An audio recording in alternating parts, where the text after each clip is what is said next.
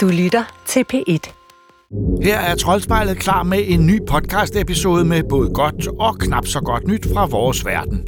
Succesrige universer forsøges hele tiden flyttet til andre medier, og det er jo forståeligt nok, for en god historie kan jo ikke fortælles for tit. Så selvom det ofte er ren kommercialisme, der driver producenterne til nye variationer, tillader vi os at være optimistiske hver gang det sker.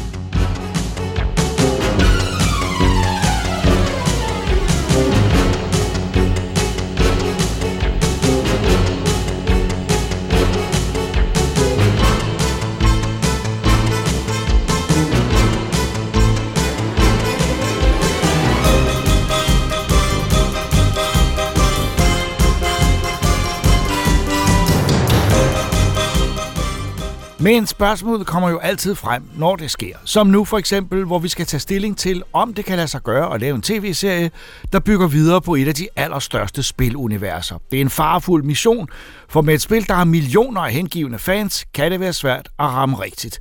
Men trods de hårde odds, er der altså alligevel nu premiere på en tv-serie, der hedder Halo.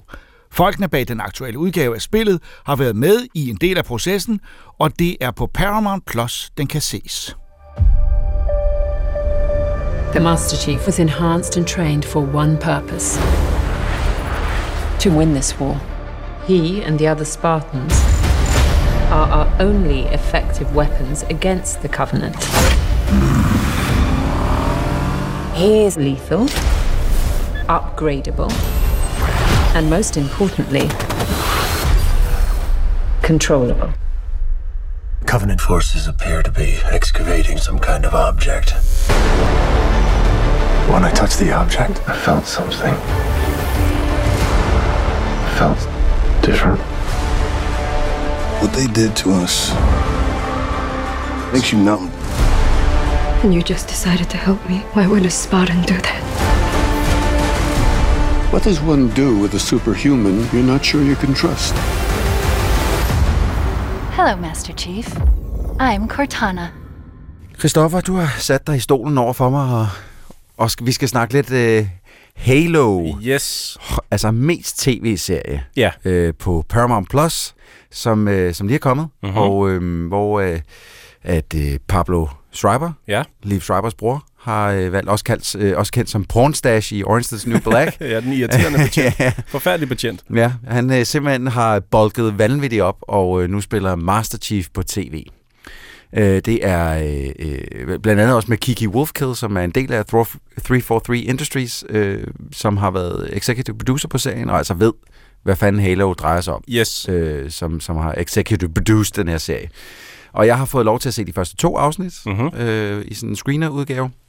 Og jeg vil ønske, at jeg havde fået lov til at se noget mere, fordi at de første to øh, gav ikke det bedste indtryk. Er det rigtigt? Ja. Okay, fordi jeg ved jo, at du er jo kæmpe Halo-fan, og har været med siden øh, nærmest før det første spil udkom. Du har været med, fornemmer jeg, på vognen hele vejen igennem. Ja, altså jeg købte den originale Xbox på grund af Halo. Ja, jeg, hvis ikke det havde været på den konsol, så er det ikke engang sikkert, at den konsol jo faktisk havde klaret sig. Nej. Altså, Nej, øh, den, øh, det var, altså, jeg ved godt, GoldenEye får ligesom tit øh, øh, æren for at have ligesom muliggjort first-person shooters på, på konsol, men, men Mm. for, og, det, og det er til dels enig i, men det var Halo, der finpudsede den styring, Ja. der sagde, ja ja, øh, James Bond, yes. smut lige tilbage til England, nu Ja. skal vi herover i USA Men vise jer, hvordan man, Man gør sige, det. de erkendte også, at øh, Nintendo 64-controlleren er jo ikke på nogen måde lavet til Jeg er så skydespil. glad for at høre dig endelig sige det, fordi vi, altså, du ved jo godt, at du har været du har været du har bagget den controller så mange gange, hvor jeg har sagt, den Hey. er det arveste lort. Jeg elsker den controller, ja. men jeg vil godt give det ret i at gå tilbage og spille GoldenEye med den controller er rigtig svært den dag i dag. Fordi at Halo jo var med til at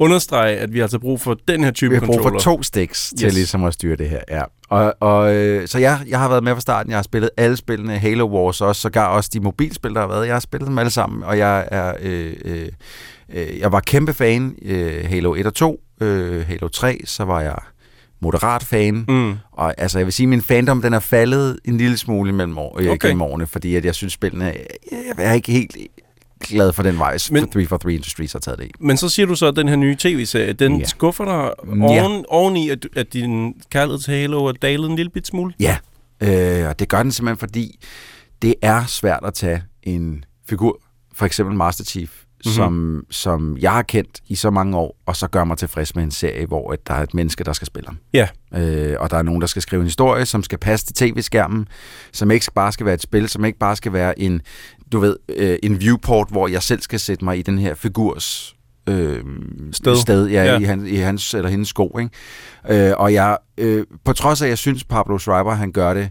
så godt, han kan, Mm-hmm. øh, med det, han har fået udleveret, så synes jeg, jeg synes, det er et andet univers, de har bygget op her, Okay. end, øh, end, øh, end Halo-universet. Øh, simpelthen fordi UNSC, som, som efter min mening er, er igennem serien er kendt som altså, the ultimate good guys, så at sige, i hvert fald set fra menneskenes side Ja. at de, øh, de bliver her beskrevet som sådan en mærkelig øh, overpowered overlord nærmest, som ikke hmm. vil have, at der er nogen som helst separatister, der kan leve bare en lille smule i fred. Øh, Master Chief er frygtet af andre mennesker, Ja. øh, fordi at øh, de ved, hvor destruktiv han er, Hvor vild han er. øh, hvor sindssyg han er. Vil det så sige, altså fordi nu, nu hægter, hægter du det op på spillet. Du Ja. ser en tv-serie, og så siger du, sammenlignet med spillet, der er det ikke det, jeg havde håbet på. Nej. Når jeg så kommer udefra, jeg må jo indrømme, at jeg er jo slet ikke lige så meget inde i Halo, som Nej, du, du er. skal, du, skal til at, du skal til at opleve det nu. Ja, jeg er, jeg, jeg er meget grøn, når det kommer ja. til det. Vil jeg så sætte mig ned og se en tv-serie, som, som er veleksekveret, med en god fortælling, med nogle interessante figurer, øh, flotte effekter, Nej, nej. eller hvad? Øh, jeg tror, at du vil have lidt nemmere ved at sluge historien, men øh, når du ser øh, når du ser effekterne i det, så, så kommer du til at tænke, hvad er det, jeg lugter af? Er det lort? Ja, nå. altså, der er virkelig, der er virkelig flere gange. Lige det, altså, når man ser The Covenant første gang i den, Mhm. mm-hmm. så tænker man, det er en tv-serie, det, det er sgu meget godt gået. Det har de klaret meget godt. Og så kommer der bare en barrage af VFX-skud bagefter. Ja. Øh, fordi altså, hele første afsnit er et action-afsnit. Der skal vi ligesom lige have cementeret, hvem fanden Master Chief og hans gruppe er. Ikke? Han har Klart. jo nogle andre øh, Spartans, som, øh, som følger efter ham. Ikke? Og, og der skal man ligesom lige cementeret, hvem fanden de er. Så der skal vi se dem smadre nogle Covenant. Mm-hmm. Og den her action-scene er, den, den efterlader en sådan total ambivalent, fordi der er en masse fysisk action, som er okay. Mm-hmm. Øh, ikke filmet skide godt, men det er okay. Og så er der nogle VFX-skud, som simpelthen ligner røv og nøgler. Hmm. Øh, Jeg, jeg var, der var vidderligt, der var et skud af en, øh, en, en hvad hedder det, riffel, der bliver smidt af Master Chief, hvor at man ser, at han smider den. Og så er det ligesom om, de har tænkt, åh, oh, vi har brug for at se den ramme jorden. Ja. Af en eller anden grund. Du må ikke spørge, for den, kommer, den bliver ikke brugt igen senere i det afsnit. Nå. Hvis vi, men der, der er en, der har siddet og tænkt, vi har brug for et skud af, at den rammer jorden. Og det har vi ikke øh, fysisk. Vi VFX'er os ud af det. Og det ligner simpelthen de tavligste After Effects, jeg nogensinde har set Øh. på YouTube. Og, jeg, og det, er, det, er sådan nogle, det er sådan nogle små ting som det, ikke? Altså, fordi det er vidderligt, altså det er halvanden sekund. Men det, det sprang ud i øjnene og gav mig en lussing og sagde, ah, kan du se, hvad der er, du sidder og ser, din idiot? Ej, det er altså, ikke så godt. Det var Altså, virkelig forfærdeligt. Skulle man måske, havde det været en bedre tilgang, at man lave en, en animeret, ligesom en mellemsekvens, en animeret Halo-serie Ja, det ved jeg sgu med ikke. stemmer på. Jeg altså, jeg mener ikke en tegnet, men sådan en, du ved... En, en computer, en flot Ja. computeranimation. Ja. Det ved jeg sgu ikke. Altså, jeg, jeg havde jo egentlig glædet mig til at se, øh, til at se Master Chief øh, i, virkelig, i virkelig liv. Og jeg synes, Pablo Schreiber er et godt bud på at spille ham. Jeg var jo faktisk så heldig, at jeg har jo faktisk interviewet Kiki Wolfkill Ja. og Pablo Schreiber. Det er rigtigt. Hvordan, Øh, hvordan gik det? Det gik fint. Altså, jeg synes, at øh, jeg synes, de, de begge to havde hjertet det rette sted. Mhm. Mm-hmm. Øh, jeg spurgte blandt andet Kiki om, fordi da hun startede på 343 Industries, som er et studie skabt af Microsoft til at varetage Halo, Mm-hmm. øh, og hun starter i, tilbage i 2012, så vidt jeg husker, mens de skal til at lave Halo 4, som er det første Halo-spil øh, ude af Bungies hænder, Ja, okay. som er de originale udviklere. Ikke? Yes. Så, og der, bes- hun besluttede sig for, at jeg vil gerne starte her. Jeg vil gerne være med til at varetage Halo-universet. Mm. Mm-hmm. Det må være øh, en svær ting at skulle hoppe ind i, fordi Ja, det er, det tænker jeg også. med de første tre spil er det allerede et ret elsket univers. Ikke? Ja.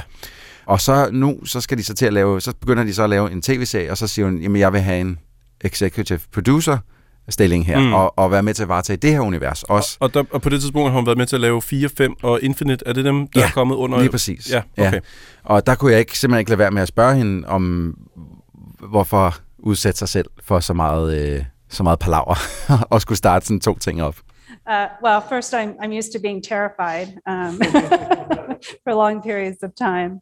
Um, you know, I think my approach has always been focusing on uh, sort of what what I see as the core pillars of Halo, the things that I emotionally connected to right away when I, the first time I played Combat Evolved, which are sort of those universal themes of hope and heroism and humanity and, and wonder and the mystery of sci-fi. Like to me, those are, those are always the things that, regardless of any experience we build, um, are the foundation that we build on. Um, you know, I think, uh, with the television series, it's it's such a different form of storytelling for us, and you know, I think for for gamers, uh, it'll be a different experience, which is what I which is what I wanted for it. I I, I didn't want it to be we're going to take your game and we're going to put it in live action, not because that's a bad thing to do, but because I wanted players to be able to have an experience that felt really different from the game experience, so that they could have more. Uh, much in the same way, as soon as I finished Combat Evolved, I immediately read the book because I wanted more, and it gave me a different perspective, and I loved that. So, um, so that was really the approach with the television series, as well as really having the opportunity across nine hours to tell a deep character story, which is something that is hard for us to do from a first-person perspective. Uh, and so, you know, the hope is it it the universe coming to life with the scope and scale and detail that we've built it in, um, and and seeing uh, Pablo, an incredible actor who's so passionate about the character of Master Chief and of John, um, that they'll be able to go on this journey with us differently than in the games.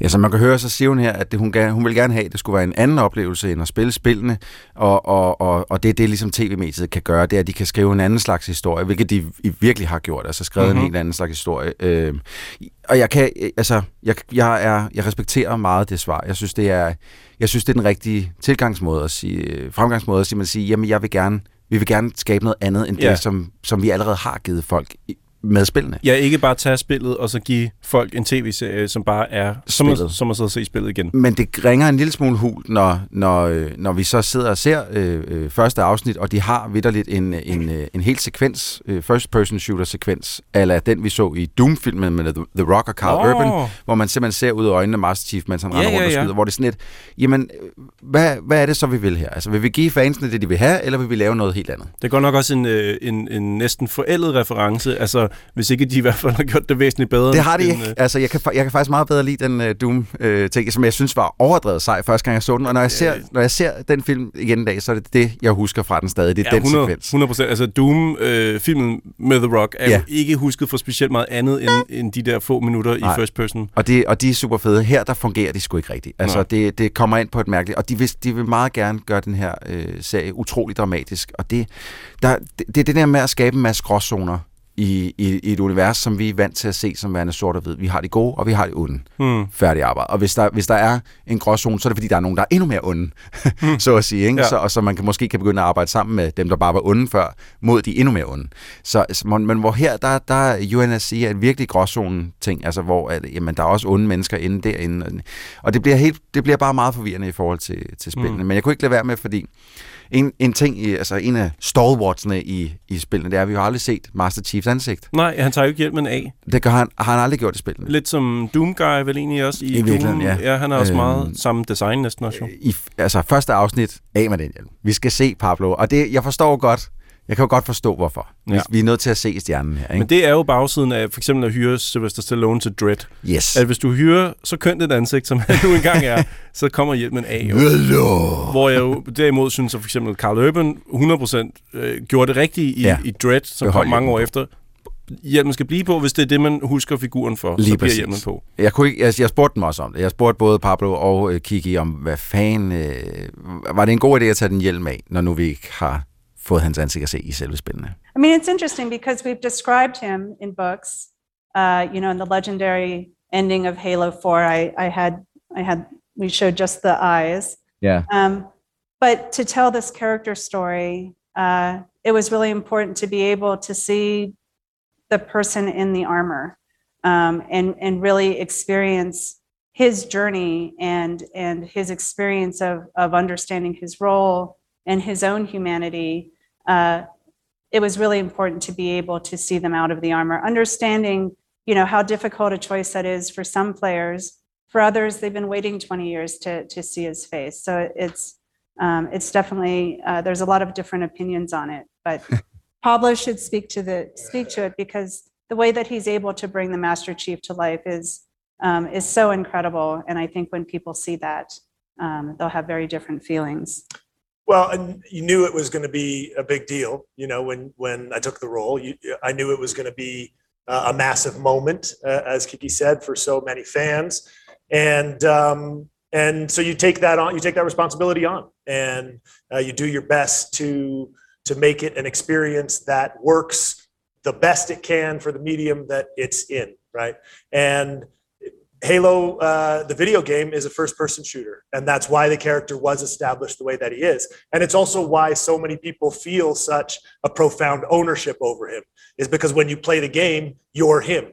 Uh, and so, knowing that information, I always knew that people were going to have a hard time with the idea that I was going to take the helmet off and it was going to be me under there. That was always I was well aware of that because you're sort of spoiling the uh, the childhood fantasy of so many people in a way. But at the same time, what you're getting to do in the television series is create something that's geared for the format that it's being made in. And in long form storytelling, um, to make a, a nine episode season or a five or six season show uh, there's just no way that you would want to have a main character, a protagonist, who doesn't show his face when there's no rules against showing the face in the universe, right? All Spartans take their helmet off. They spend a ton of time out of their armor, uh, right? All the time. There's no rules in the Halo universe against taking the helmets off for Spartans. It's only a rule about taking the helmet off of Chief because you don't want to blow the childhood fantasy of the person who's playing the game.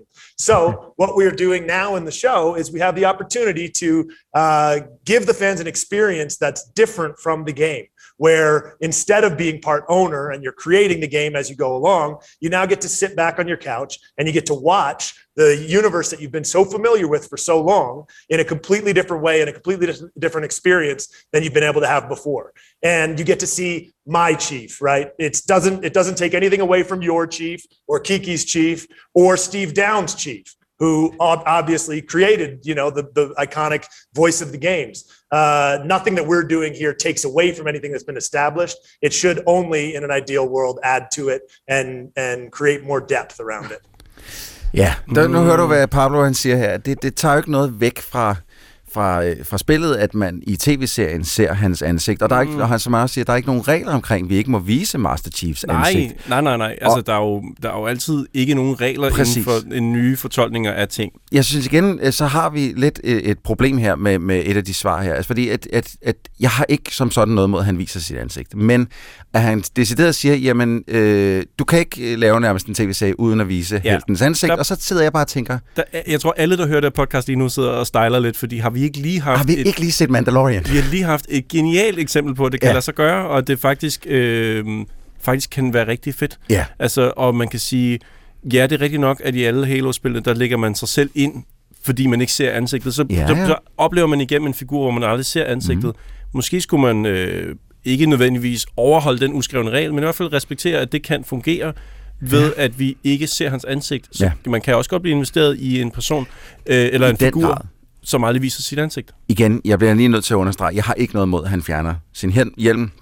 Og jeg synes, Pablo Schreiber er en dygtig skuespiller, og jeg, jeg, øh, jeg kan sagtens se, hvorfor de har valgt at gøre det sådan. Mm. Jeg siger bare, grundlaget for, hvorfor de har gjort det, synes jeg er lidt øh, BS. Det er altså, lidt, det, lidt tyndt. Det, det er ikke, jeg vil kalde det, det, overhovedet kalde det dogenskab, men det kan sagtens lade sig gøre at lave en serie med det en kan. hovedperson, der har en hjelm på, 90 procent Til gengæld skal det også understreges, at det er hammerne, hammerne svært at få til at fungere. Og det er også det, der ja. gør, at Mandalorian står som sådan et, et, et fantastisk eksempel på, at det kan lade sig gøre. Og, men, men man må heller ikke glemme, at det er mega svært, så jeg kan også godt forstå nogle gange, så man sådan lidt tilbøjelig til at sige, så tag hjelmen af, så vi kan se, hvad du føler. Helt sikkert. Helt sikkert. Altså det, det, det, men det ville også bare have gjort et, et eventuelt reveal øh, eller øh, det, han, han ligesom skulle have hjælpen med på et tidspunkt, som et meget større øjeblik, hvor ja. her, der tager han den bare af. Ikke? Ja. Så, så når det er sagt, jeg forstår godt, de har gjort det. Jeg har ikke noget mod, at de gør det. Jeg kan godt lide Pablo Schreiber. Jeg synes også, han er en pæn mand. Jeg kan godt lide at kigge på, om det er slet ikke det.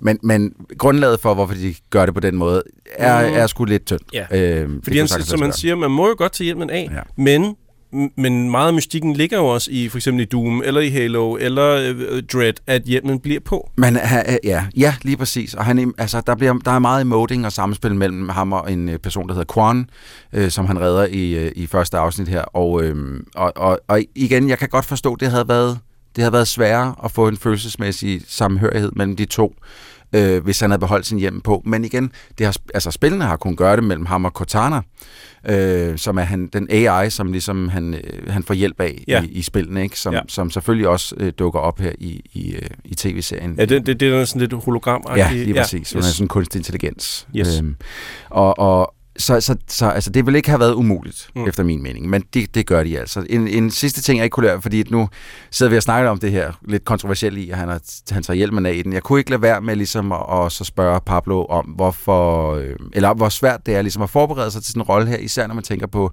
gaming community online, som kan være enormt toksisk, om der har været nogle bekymringer omkring det.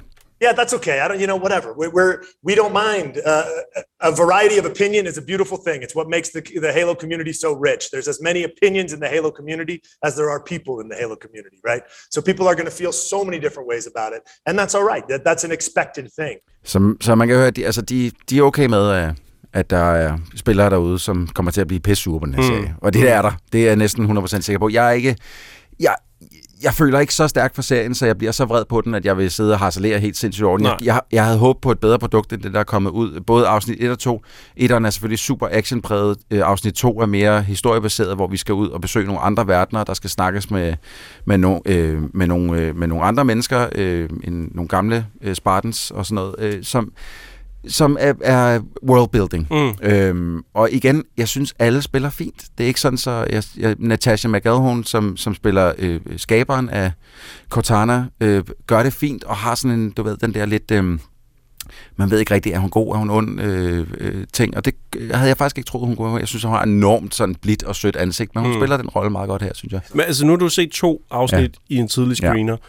Kommer du til at få gjort den her serie færdig? Jeg, jeg tror lidt, jeg tror lidt, jeg bliver nødt til det, for jeg vil gerne se, hvor Pablo han tager øh, Master Chief-figuren hen. Ja. Så jeg, jeg tror, jeg, jeg bliver lidt nødt til at se. Og jeg synes også, der var nok små sådan, øh, kan man sige, øh, der duftet lidt til historien, tænker, okay, det kan måske godt gå hen og blive interessant. Okay. Og jeg vil også gerne se, jeg har ikke set Cortana, selve Cortana-hologrammet endnu i serien. Hun er ikke mm. dukket op i, i de første øh, to, andet end øh, nogle få referencer her, her, her og der. Ja. Øh, så jeg kommer nok til at se noget mere af det, men, men, øh, men det, det, jeg vil ønske, det havde været bedre. Okay. Og, det, og det bliver Paramount Plus, der har den her ja, Danmark, ikke? Skal man, okay, bare her til sidst, er du, øh, du, du er jo virkelig inkarneret, mm. været med hele vejen. Mm. Hvis man er som dig, mm. bliver man så nødt til ligesom at, at have Paramount Plus og få set serien, eller kan man springe den over? Jeg synes, hvis man er Halo-fan, så bliver man nok nødt til at se den. Mm-hmm. Øh, den er mere, hvis man ikke rigtig ved, hvad Halo er, så, så tror jeg måske ikke, man behøver at se den, hvis okay. jeg skal være helt ærlig. Ja. Cortana, I'm gonna need you now.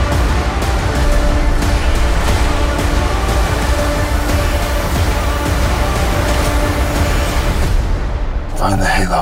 Win the war.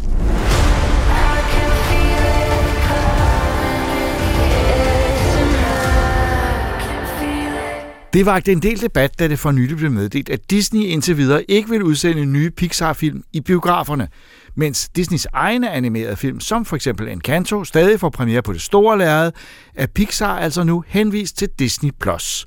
Begrundelsen for dette valg var ikke tydelig, men et faktum er det, at den nyeste Pixar-film, Turning Red eller bare Rød, netop er blevet tilgængelig for abonnenter på Disney+. Plus. Og den har vi set, jeg selv og Ida og Regitze. It's gonna be me. Ah! Is everything okay? I'm a gross red monster! This happened already? What did you say? Our ancestors had a mystical connection with red pandas. Are you kidding me? This little quirk runs in our family.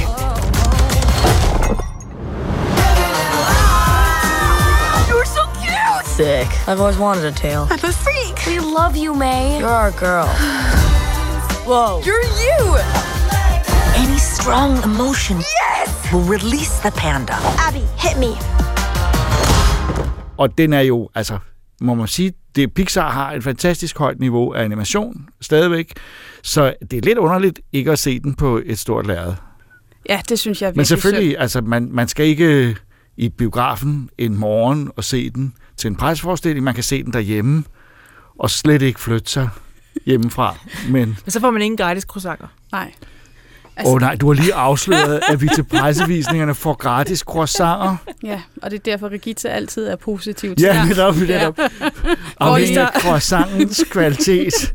Hvis den er tør, så er det en dårlig film. Og det vil jeg sige, at øh, traktementet er, er jo overdådigt, øh, fordi der også nogle gange er kaffe. Ikke nødvendigvis god kaffe, men kaffe. øh, så det, det slap vi for den her gang. Så vi måtte se den på Disney+. Plus. Øhm, og det er jo en film om en pige, øh, som ja, i beskrivelsen på Disney Plus står der, hun bliver voksen. Men ja, det er og vel det så meget sagt. Mig. Det er den danske oversættelse. Det, oh, ja, det har du og jeg faktisk talt om, fordi jeg så sådan en plakat for det. Jeg havde egentlig ikke tænkt mig at komme ind på det her i vores Jamen, samtale. Det er god Men, øh, men det irriterer mig, at, at, øh, at den danske øh, titel på plakaten mener, der står, det er svært at blive voksen. Men hun bliver altså ikke voksen. Hun er en teenage pige, øh, som jeg tror, at den engelske må være growing up is hard. Ja. Noget af det, fordi at hun, hun bliver... er i gang med at blive voksen. Ja, ja og, og så passer det jo godt, men hun bliver ikke voksen. Ja. Øhm, hun bliver stor, kan man sige, fordi at øh, hun kommer i puberteten. Og det betyder for hende og kvinderne i hendes familie, at øh, så bliver man forvandlet til en rød panda, hvis man ikke har styr på sine følelser. Altså, når man går i puberteten, bliver man til en rød panda? Ja. Øh, og man kan sige, det lyder som mange andre Pixar-idéer, eller den der med en rotte, der laver mad, som lidt mærkelig. Men omvendt, øh, når man ser den, så fungerer det jo meget logisk, ikke? du har været så stille, Regitze. Jo, jeg, jeg synes, det fungerer super godt. Altså, det er jo bare en, øh, en metafor for uh, med humørsvingninger i den alder, og det er svært at styre sine følelser. Man kan blive meget glad, og man kan blive rigtig vred og meget ked af det. Og det gør hun også. Uh, jeg synes, det er, det er en ret anderledes Pixar-film. Jeg synes, den ser også anderledes ud. Den er jo, uh, hun er kanadisk-kineser, uh, hovedpersonen Maylin på 13 år. Og den har det her, også det anime-agtige øh, stil. er deres øjne, når de bliver øh, ophidset eller meget glade, så får de de her anime-øjne med stjerner og hjerter i. Og, det, og munden er også anime-agtig. Ja. De, de råber, eller de er i råbeposition, øh, meget tit, som man er i anime, også selv når man ikke råber. Øh, så der er klart en indflydelse for, fra noget. Instruktøren er jo også øh, kinesisk født, øh, og så opvokset i, øh, i Canada og USA. Mm. Og så er det jo en film, der foregår i slutningen af 90'erne, starten af 2002 nullerne. foregår den 2002, ja. ja. Det, det synes jeg også var fedt, fordi enten så foregår film i dag, eller også så foregår de for længe siden. Så det der med, at det bare var for 20 år siden, det gjorde et eller andet særligt. jeg synes, det var fedt, også fordi det, det er jo lavet til alle mødrene og fædrene, der selv var på den alder dengang. Ja, og det gik Æh. først op for mig hen ad vejen. Det gik op for mig, da, da pigen, vores hovedperson, sammen med sine veninder, øh, som er sådan en gruppe meget forskellige, øh, meget arketypiske øh, piger, øh, de... Øh, de dyrker et boyband, som er fuldstændig ja. overdrevet boyband, og som jeg tænker, det kan da ikke være og så, nå nej, det er faktisk sådan, som det var i 2002. Præcis, det skal jo være Take That eller Backstreet Boys eller ja. den Og så går hun rundt med den her Tamagotchi hele tiden. Ja. Det, var, det elskede jeg den detalje, og hun har gået og passer så godt på den her lille Tamagotchi. Og det var den, hvor jeg tænkte, hov, det er vist ikke, det, er vist ikke den, det, det her årstal, vi er i. Det er vist ikke vores tid. Jeg tror nok, jeg, jeg fandt en Tamagotchi for et par år siden i en butik, så nogle af de der sådan, tiger-butikker, så når de sælger dem, hvis fordi det er noget værre plastikskrammel. Men, øh, men det var jo bare en kæmpe ting, at man passede på sin Tamagotchi mm. og skal sørge for, at den... Altså Tamagotchi tog man meget alvorligt, øh, selvom ja. du kalder det skrammel. Og det passer meget godt. Øh, instruktøren, øh, Domichi, øh, som hun hedder, er ja. født i 87. Præcis. Så det er hende selv. Det, det er hende selv, ja. Det er selvbiografisk, ganske enkelt. Ja. Øh, og øh, det er jo meget en film, der handler om familie, øh, om relationerne mellem familien, og, og så også noget, som jeg synes var Ja, det handler om hendes mor, ja. øh, som spiller en meget markant rolle, og som er meget streng.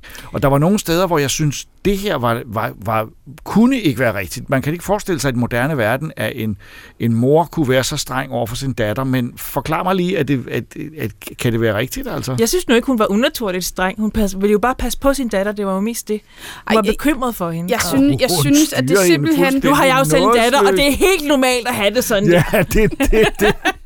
jeg, jeg synes, at den, øh, at den er meget, meget karikeret. Hun er meget karikeret, den her mor. Altså de ting, derhen. Altså, det er noget med, at pigen May, hun ser en fyr i en kiosk, som hun lige, det lige pludselig går op for hende, fordi hun jo netop er en pige i puberteten. Gud, han er faktisk meget dejlig, og så har hun sådan en ungdomsfantasi, og hun laver nogle tegninger.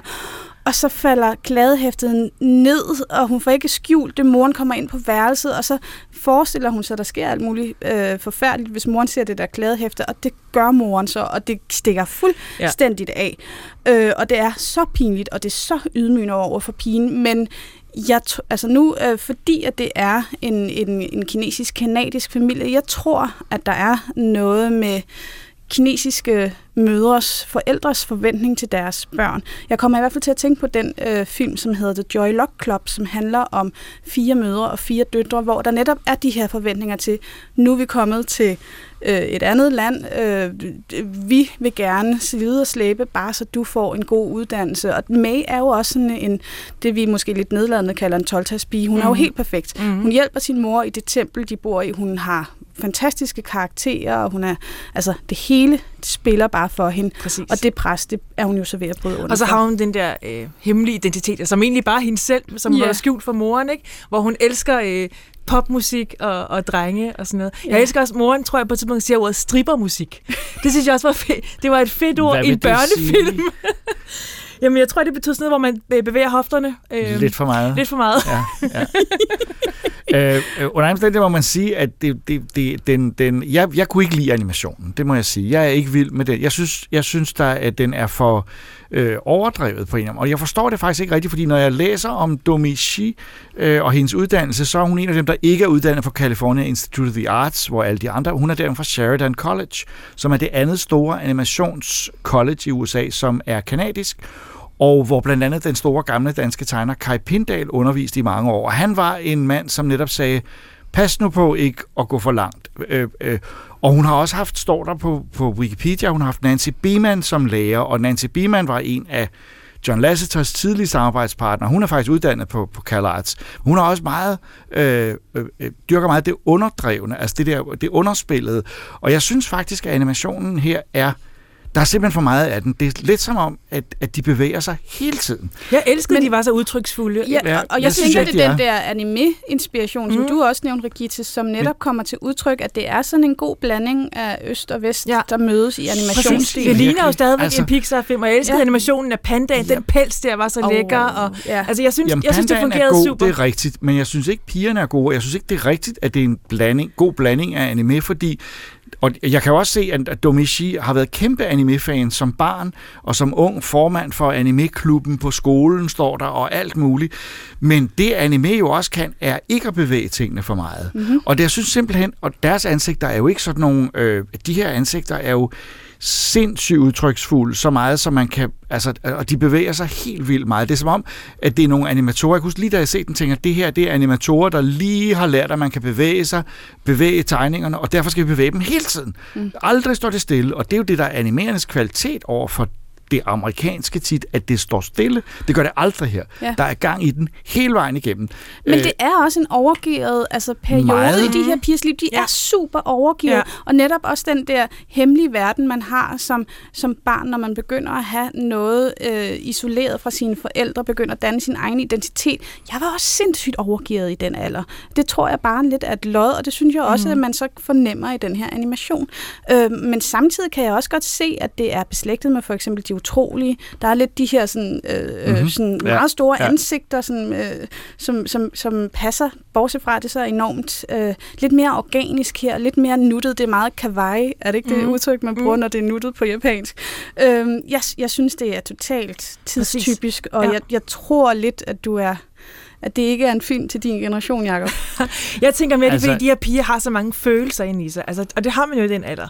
Altså, så der kan man bare se dem helt. Jeg synes, det fungerer Jo, men hvordan kan det så være, at, at begrebet, altså når man ser de animerer, som har fuldstændig samme målgruppe og handler om piger øh, i den alder og, og, og drenge i den alder for den sags skyld også, øh, så behøver de ikke, øh, så laver de nogle sindssyge udtryk ind imellem i hovederne. Det er da et budgetspørgsmål. Det er da fordi, de er så billige. De har kun råd til halvdelen af de tegninger, der men det er jo og det er jo ikke en anime. Nej.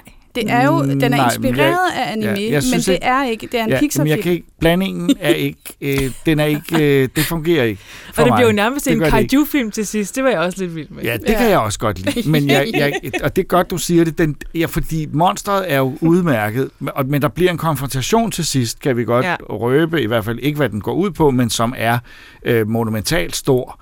Øh, men jeg synes stadigvæk, at, øh, at der går noget tabt, fordi figurerne simpelthen er for aktive. De, de, og det siger I... Det er jo en tegnefilm, Jacob.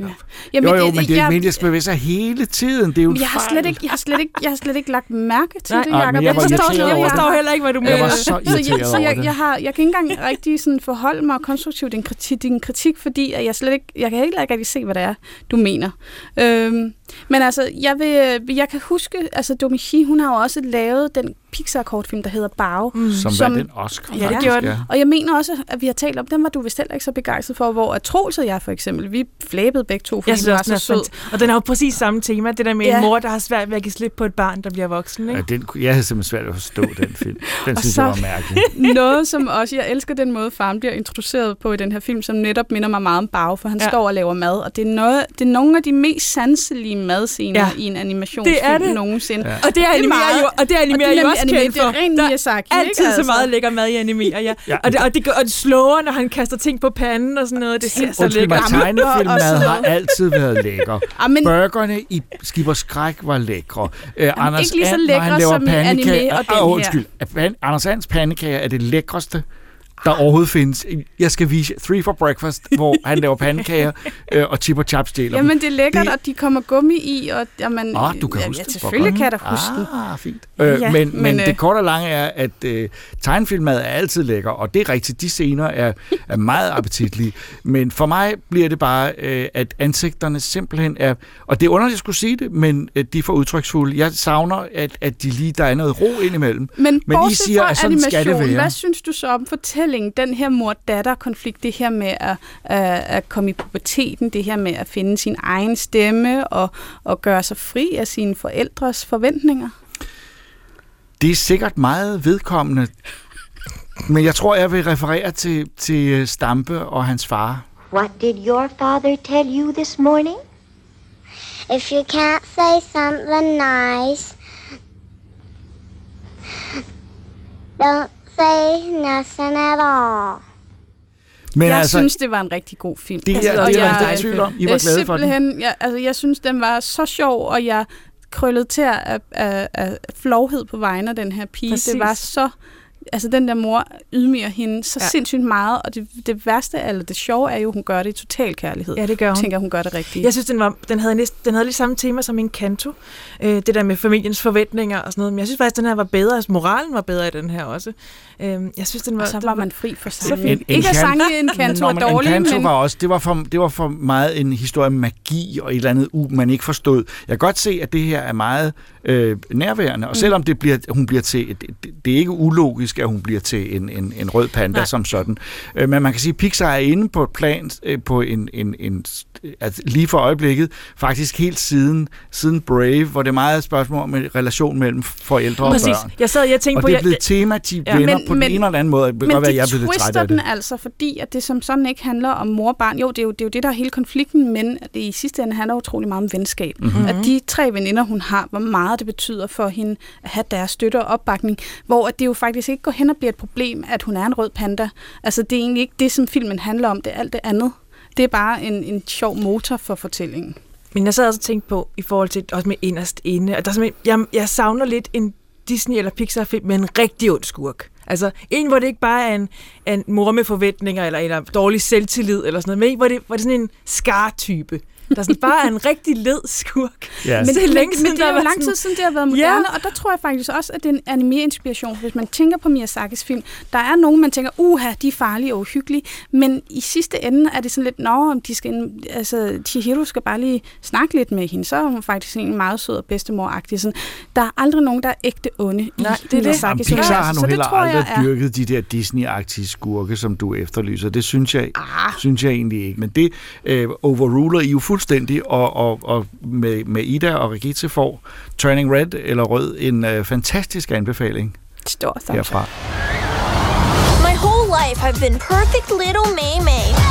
But maybe I like this new me. Mama's girls.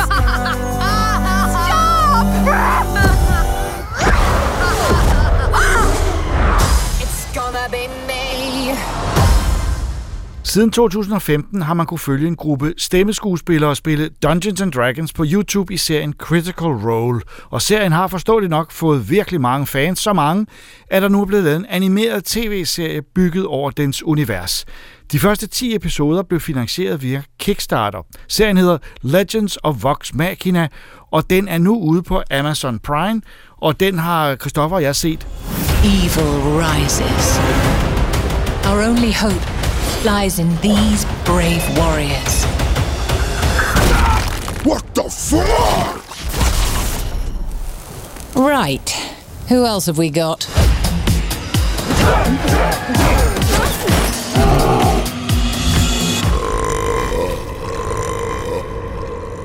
I'm sorry, who the hell are you? Who Vox Machina? We fuck shit up. Uh, vi er ikke nået til, til seriens ende endnu. De første 12 episoder er der faktisk. Uh, men jeg har hørt så meget som, at uh, den, den, der kommer en sæson 2. Ja. Uh, efter første sæson, som dukkede op på på Prime her ja. for ganske nylig. Jeg har da hørt, at faktisk at sæson 2 blev, fik grønt lys, inden den første kom ud, så det tyder også meget godt jo på, at man tror på, at det her det, det kan bære. Altså, det er jo en, en serie, som, som sådan udseendemæssigt ligner øh, rigtig mange andre ja. øh, sådan action-fantasy-serier. Det er rigtigt. Men så er den indholdsmæssigt øh, væsentligt mere voksen, fordi den er inspireret af den der situation, hvor de her stemmeskuespillere har siddet over for hinanden på to hold, og med en Dungeon Master i midten, og så har de altså øh, øh, leget rollespil, og ofte i videoer, som har varet to-tre timer. Ja. Øh, men lidt det samme, som man har set i den danske Stemmernes Tårn. Ja, det kunne man øh, godt Fuglendorf, sammenligne med. Ja. Øh, hvor, hvor man også har brugt forskellige øh, enten radioværter eller andre typer. Ja. Sådan typer til at, at, at, at sidde og lege. Og det er, hvis de gør det godt, øh, så kan det være rigtig smittende. Mhm. Mm-hmm. Øh, hvis der er en god game master, som, øh, som sætter det i gang og introducerer det. Og jeg synes, at nogle af Critical Role, det var ikke... Øh, det var ikke lige mig. Jeg, jeg synes, men Stemmernes Tårn var lidt sjovere. Måske fordi, at der, der kendte man nogle af dem. Ja, måske det er det. Måske det er det. Altså stilmæssigt i hvert fald, hvis man skal beskrive den, den stil, de er gået med den her serie, så tænker jeg meget på de seneste He-Man-afsnit blandt andet, og øh, blandet lidt med nogle af de der DC-animerede film, man ser, som som øh, man kan godt se, at det ikke er den dyreste ende af animation, men det er trods alt heller ikke den billigste. Nej. Man kan godt se, at der er lagt noget arbejde i det. Jeg tror, at man, i, hvis man sådan i, i danske sammenhæng skulle, skulle sige, så ser den ret dyr ud, mens ja. internationalt er den nok en lille smule mere øh, skrabet. Ja. Øh, men det vigtige her er jo også, kan den holde fast i de der øh, øh, figurer, fordi det er jo et, simpelthen, at det, det kunne dårligt være mere traditionelt. Det er en gruppe umage personer, som har forskellige... Øh, at jeg ikke rigtig nogen kræfter, men Nej, de har lidt... talenter, Ja, talenter, som skal gå ud på missioner, og pointen er også, at de, de er ikke i de er ikke idealister på nogen måde. Nej, og plus at de, øh, de, de nærmest i eksistentiel krise, lige da sagen starter jo, de kigger på hinanden og er faktisk i tvivl om, hvorfor, hvorfor er det egentlig, de er banditter, eller hvad ja, man skal sige. Ja, og de har slet ikke lyst til at arbejde sammen. Nej, og øh, det er måske også tvivlsomt, hvor gode de faktisk er fra starten af. Altså, hvor dygtige de er til, til det, de, øh, de prøver. Altså, være, altså. Det minder mig faktisk lidt om, da, da skuespillerne i Galaxy, øh, Galaxy Quest øh, finder ud af, at de skal, de skal øh, rent faktisk ud på en rigtig mission, i stedet Ja. for det, de bare har spillet. Ja, øh, og, rigtigt. og det, de, de animerede figurer øh, er ikke... Øh, er ikke særlig motiveret. Og det er faktisk, det synes jeg er sjovt, og så har den også det, at den er meget voldsom, og den har også masser af seksuelle øh, referencer, som er øh, øh, ikke, ikke rystende, men, men lidt på niveau med, med Harley Quinn-serien. Ja, ja, flere gange der tænker jeg, at vi virkelig vi har fået sådan en bølge. Måske kunne man sige, at den begynder at starte omkring øh, Guardians of the Galaxy, og så øh, Deadpool, og så, altså det er som om, at der er kommet sådan, de bygger ovenpå, ovenpå, ovenpå, og nu er vi nået dertil, hvor at vores helte, de simpelthen bare vælter sig i alle de ting, man for, for 10 år siden nærmest ikke kunne forestille sig, at man kunne få lov til at få på, øh, på sådan primetime. Præcis, øh, og, og specielt når det så ser sådan ud, som det gør, hvor det jo er meget tilforladeligt og ligner noget fra 90'erne i virkeligheden. Ja, det kunne man godt sige. Øh, som, som, og som sikkert også er tiltænkt, altså dem, der ser det, har været øh, måske 12-13 år i 90'erne, mm-hmm. øh, og så er de nu voksne, og så de kan godt lide de samme historier, men nu skal de have øh, et voksent, Ja. eller umodent voksent øh, præg med nogle bandeord og nogle seksuelle referencer. Ja. Øh, og man kan sige, det er måske i virkeligheden en, en genre, der... Øh, øh, der hurtigt kan overleve sig selv. Øh, hvis, hvis, men, men jeg kunne rigtig godt lide Harley Quinn. Jeg mm-hmm. synes, det var en, øh, det var jo, og der var, det var meget rå. Ja, øh, meget, det var den. meget fyldt med, med, med bandeord og, og voksne elementer. Øh, og det samme er mange af DC, øh, Ja, som vi har anmeldt. Du og jeg har jo set rigtig mange. Øh, Ja. Men det her øh, er lidt anderledes. Du er ikke så begejstret. Mm, ja, altså der er flere ting i det. Jeg tror måske, at hvis man har et større forhold til øh, podcasten, eller måske det, det, Til det show, Role, ja, ja, ja. som ligger til, til grund for det her, så tror jeg, at man kan, kan være endnu mere investeret. Og så synes jeg måske også, at den, den kommer fra start som værende meget mere øh, fjollet og letbenet, end den egentlig viser sig hen ad vejen at være. Så lige da jeg startede, der var jeg faktisk ret hurtig til at afskrive den og tænke, det her det er ikke lige min smag. Der var simpelthen for meget med ham, gnomen, som skulle øh, score halvnøgne kvinder og Ja. synge, synge fjollede sange med sjove rim. Ja, han er sådan lidt den kommenterende også. Han, han ja. gider ikke være med, medmindre der er noget i det for ham. Ja, præcis. Og jeg, jeg forstår figuren, og jeg kan sagtens se appellen fra andre side. Det er måske bare ikke lige min smag. Jeg tror på en eller anden måde, at jeg ved ikke, jeg, jeg var en lille smule mæt på den type øh, komik. Men omvendt, så kunne jeg også se, imens jeg kiggede på det, at det her er der andre, som vil kunne kalde deres nye yndlingsserie. Især dem, som elsker at nævne en serie, som ikke alle har hørt om, hvis du kender den type, som gerne vil sige, Nå, min yndlingsserie. Det var, det var mig, du fik pinpointet der. Det var, tak skal du have. Ja, fordi jeg kan godt lide at, at sige, øh, øh, for øvrigt, altså ja, det kan godt være, at I ser The, The Witcher alle sammen, men jeg ser en anden serie, Ja. som går på en streamingtjeneste, du måske ikke har. Ja, og som har en titel, du ikke har hørt. Altså, hvis man, hvis man godt kan lide det, og det Ja. ved jeg, at der er nogen, der godt kan lide at, at være lidt på... på øh... Men det skal jo ikke være den eneste begrundelse. Nej. Øh, øh, jeg, jeg, synes, jeg synes, at der er... Øh, jeg har lyst til at se den færdig, stille og roligt. Ikke en, jeg binger, mm. øh, men som jeg lægger ind imellem nogle andre ting. Som en, en hyggelig lille... Øh, øh, fordi det, jeg egentlig godt kan lide, er, at den faktisk bliver et fantasy-eventyr, en, en fantasy-fortælling, ja. som hænger sammen. Og den bliver nemlig, den får meget mere tyngde. Ja, altså, altså fordi det bliver den starter... mere uhyggeligt og mere, og mere imponerende også Ja. hen ad vejen. Der kommer nogle kampe, hvor jeg tænkte, hold da op, nu er det, nu er det øh, øh, øh, rigtig underholdende, uden at være prætentiøst. Ja, jamen, du har helt ret, og fordi, men det er også bare fordi, det netop starter så fjollet, og så finder sin tyngde i løbet Ja. af måske slut første afsnit og ind i andet afsnit. Der får den jo nærmest sådan en, en tårer i øjenkrogen.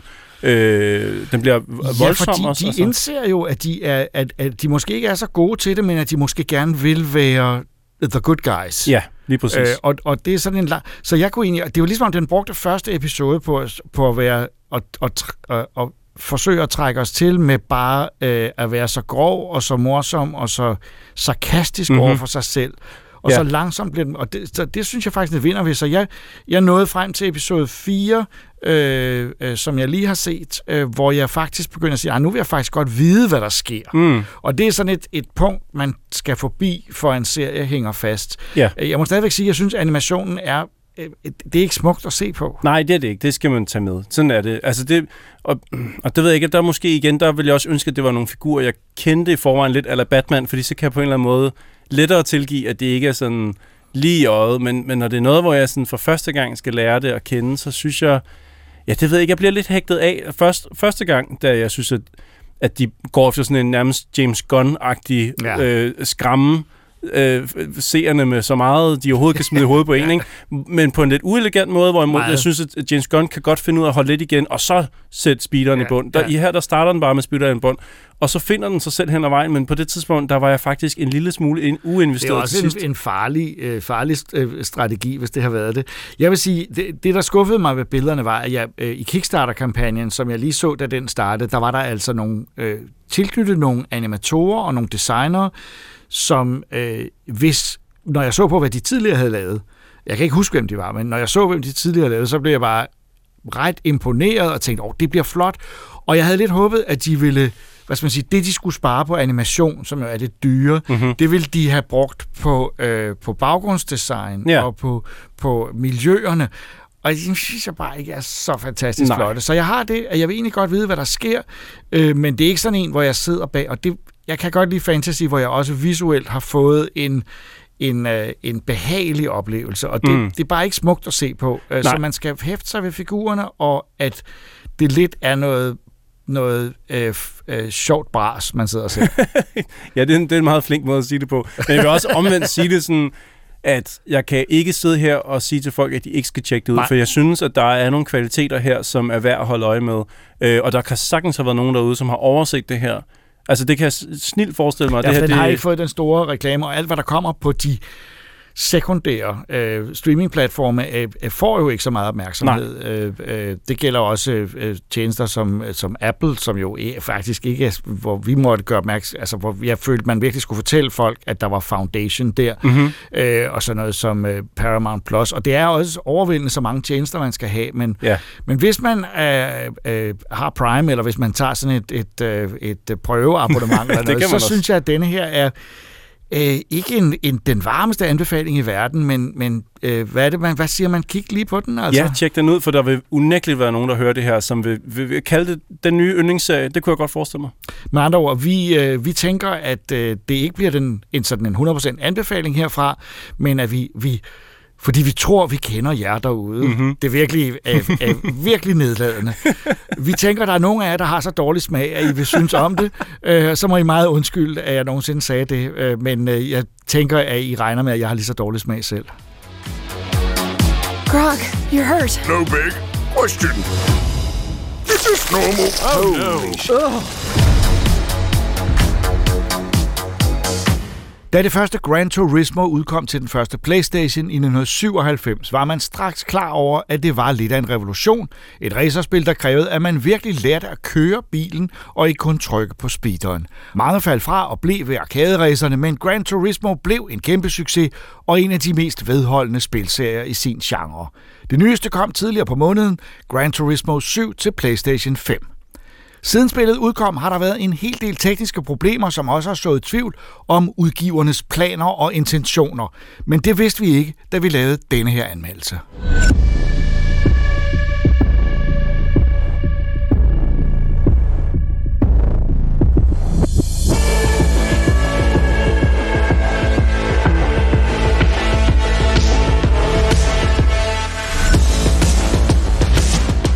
Ja, Benjamin, nu sidder du her sammen med mig inde i vores lille podcaststudie for at snakke ja. om et spil, øh, hvis menuer er lige så kompliceret som Elden Ring er at spille. Ja. Yeah. øh, der er i hvert fald ikke meget galt. Det har altid været, igennem al den tid, jeg har haft Playstation og, og, yeah. og prøvet at bevæge mig ind i, i Gran Turismos verden, yeah. så har Gran Turismo altid sparket mig ud igen ved at have nogle menuer, der var så kryptiske, at jeg simpelthen gav op. Ja. Øh, kørte et par ræs og var sådan lidt, jeg forstår ikke det her. Så det jeg håber på, at du nu kan vise mig og lære mig, at Gran Turismo er genialt, og det er værd at bruge sin tid på. Øhm, ja, men øh, Gran Turismo er genialt, og det er værd at bruge sin tid på. øhm, og øh, så tror jeg ikke, jeg behøver at sige mere. Nå, okay. Jamen, det var en hurtig anmeldelse fra Benjamin. Yes. Nej, men hvad, der er kommet Gran Turismo yes. 7, det første Gran Turismo til PlayStation 5. Yes. Øh, det er dog øh, tværmedielt, hvis man kan sige det på den måde. Det kører, kom, også udkommet til PlayStation 4 yeah. og PlayStation 4 Pro. Så, så øh, det er ikke den helt store next-gen revolution, ja. øh, men, men, men det er dog alligevel ude. Og det er meget, meget, meget pænt. Det er rigtig flot. Øh, og det tror jeg, det er det første, man bliver nødt til at sige, når man taler om Gran Turismo, fordi at... Øh, det går de meget op i. Ja, det går de meget op i. Ja. Øh, og altså til at starte med, så har de jo ved jeg ikke præcis, hvad detaljerne er, men de har med det her spil kommet ud med alle mulige sådan værsimulationer og, ja. og simulationer af nattehimlen og alt muligt. Nå, sindssygt. Og, og, og det ser ekstremt flot ud. Altså sådan, øh, Udover bare lighting og bilerne og ja. alt det der, som i forvejen er ekstremt pænt, og det tror jeg ikke, at jeg behøver at sige. Det, det er nærmest sådan lidt... Det, det, det, ja, det er en, lidt selvfølge. Det er en ting med Gran Turismo. Det øh, har altid været, været ekstremt flot. Men, men altså, sådan, jeg har set folk, der bare har screenshotet virkelig kun nattehimlen, mm. ikke? Hvor jeg tænkte, ej, wow, det, ja, du ved, jeg kiggede på Reddit og et eller andet, og troede, det var et eller andet subreddit, der var lavet til folk, ja. der så billeder af nattehimlen. Nej, det var, det var sgu Gran Turismo, ikke? Ah, sindssygt. Øh, og det er ekstremt pænt. Øhm, men øh, det var også... Det sidste Gran Turismo, der var, det var jo Gran Turismo Sport. Ja. Som jo var... Øh, ikke eksklusivt, men fokuseret på multiplayer, ikke? Ja. Øh, hvor at det øh, handlede om at køre race mod andre mm. online, ikke? Og der var det sådan noget med, at man skulle få sin driver rating op, og så videre, ikke? Mm-hmm. Det her, det vender tilbage til den traditionelle øh, single player Gran Turismo. Der er stadig multiplayer, Øhm, men, men fokus er her den her single player, hvor det ligesom handler om at samle på biler, og hvor man ligesom går fra lang og med license tests Ja. og, og, Og så vi, vi er tilbage til den helt originale formular her. Ja, ja, ja. Ja. Og, øh, og, det, og det foregår ligesom i sådan en, en, en by, er ligesom din menu på, Ja. hvor at, at øh, du kan tage til used car dealer, ikke? Mm. Hvor du kan købe nogle biler, som er brugt. brugt. Ja. Øh, øh, og, og du kan tage til Brand Central, hvor du kan købe de fleste af resten af de normale biler, ikke? Ja. Og, og, og så er der et andet sted, hvor du kan tage hen for at købe gamle klassikere for mm. 21 millioner credits. Og, og, ja, og det, så længe man har Ja. credits nok til det, så kan man købe lige den bil, man gerne vil have. Øh, det er ikke ja. sådan, at der er noget, der er låst bag en, øh, en, en mur eller et eller andet. Øhm, nej, øh, det mener jeg ikke. Øhm, der er faktisk i Brand Central, hvor det er der, hvor du køber de fleste biler, Ja. øh, der har jeg oplevet, at jeg har fået sådan nogle invitations Okay. til at købe biler. Okay, så nogle, specie- så, så nogle specifikke nogle. Ja, og jeg er faktisk ikke helt sikker på, hvordan det fungerer. Nej. Men, øhm, øh, men jeg, jeg fik en, og jeg tror ikke, det er, fordi du skal gøre noget specielt for at få de der Nej, invitations. det kan jo bare være ikke? tiden, man har spillet, og ja, så ja. den op for det. Men, øhm, øhm, men i hvert fald, det, øh, det, det er øh, øh, det er meget fedt. Øh, spil, og, og så er der øh, øh, ligesom øh, den hovedting, som man kan sige, historien, Mhm. ja, eller Ja, hvis det man man, kan- kan kalde man en kan kalde det, historie ja. øh, i det her spil, det er caféen. Caféen? En café. En bilcafé. Vi skal ind og have en kop kaffe nu, Ja, det, det, det skal vi i hvert fald.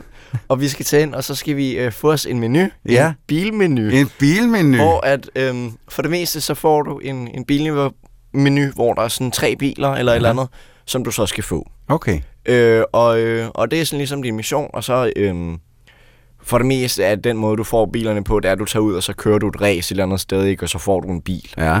Øh, og så skal du gøre det tre gange, og så kommer du tilbage til caféen og, og giver din menu til, til manden, der, øh, og så får, får du lidt at vide om de her biler, du har samlet på. Øhm, der, okay. Der, der rammer dialog i det her spil. Ja. Eller, ikke sådan, at det er sådan, du sidder øh, som i en eller anden JRPG og læser. Ja, ja, ja. tusind- Men, men, men der er mere dialog i det her bilspil, Ja. end jeg ellers lige havde forventet. Ja.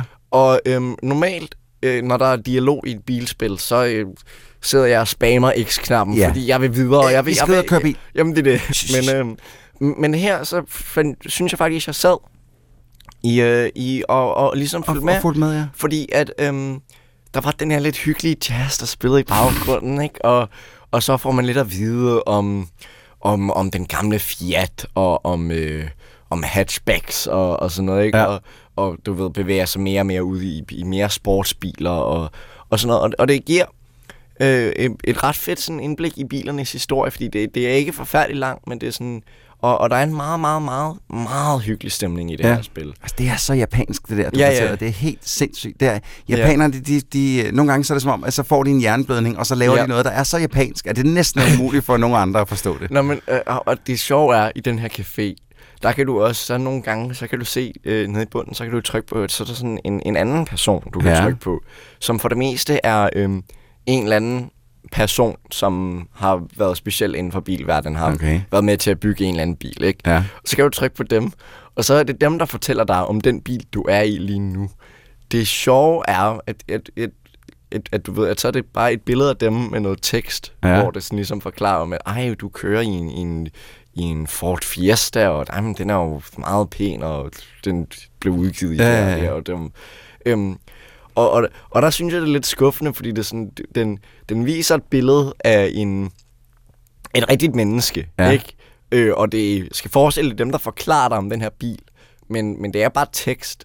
Sådan, Du kunne godt have brugt noget mere Jamen, tale. jeg, jeg havde lidt forventet, at det måske ville være et rigtigt lydklip af dem, mm. der forklarer det, ikke? Altså sådan, fordi at, at Man har også lidt vendt sig til Ja. Forza Horizon, hvor at, altså, det. der er jo hele tiden en, der er i øret på dig og fortæller om Ja, alle de der- ting, der- du der er laver. det for meget, altså. Åh ja, men, men altså, jeg siger bare.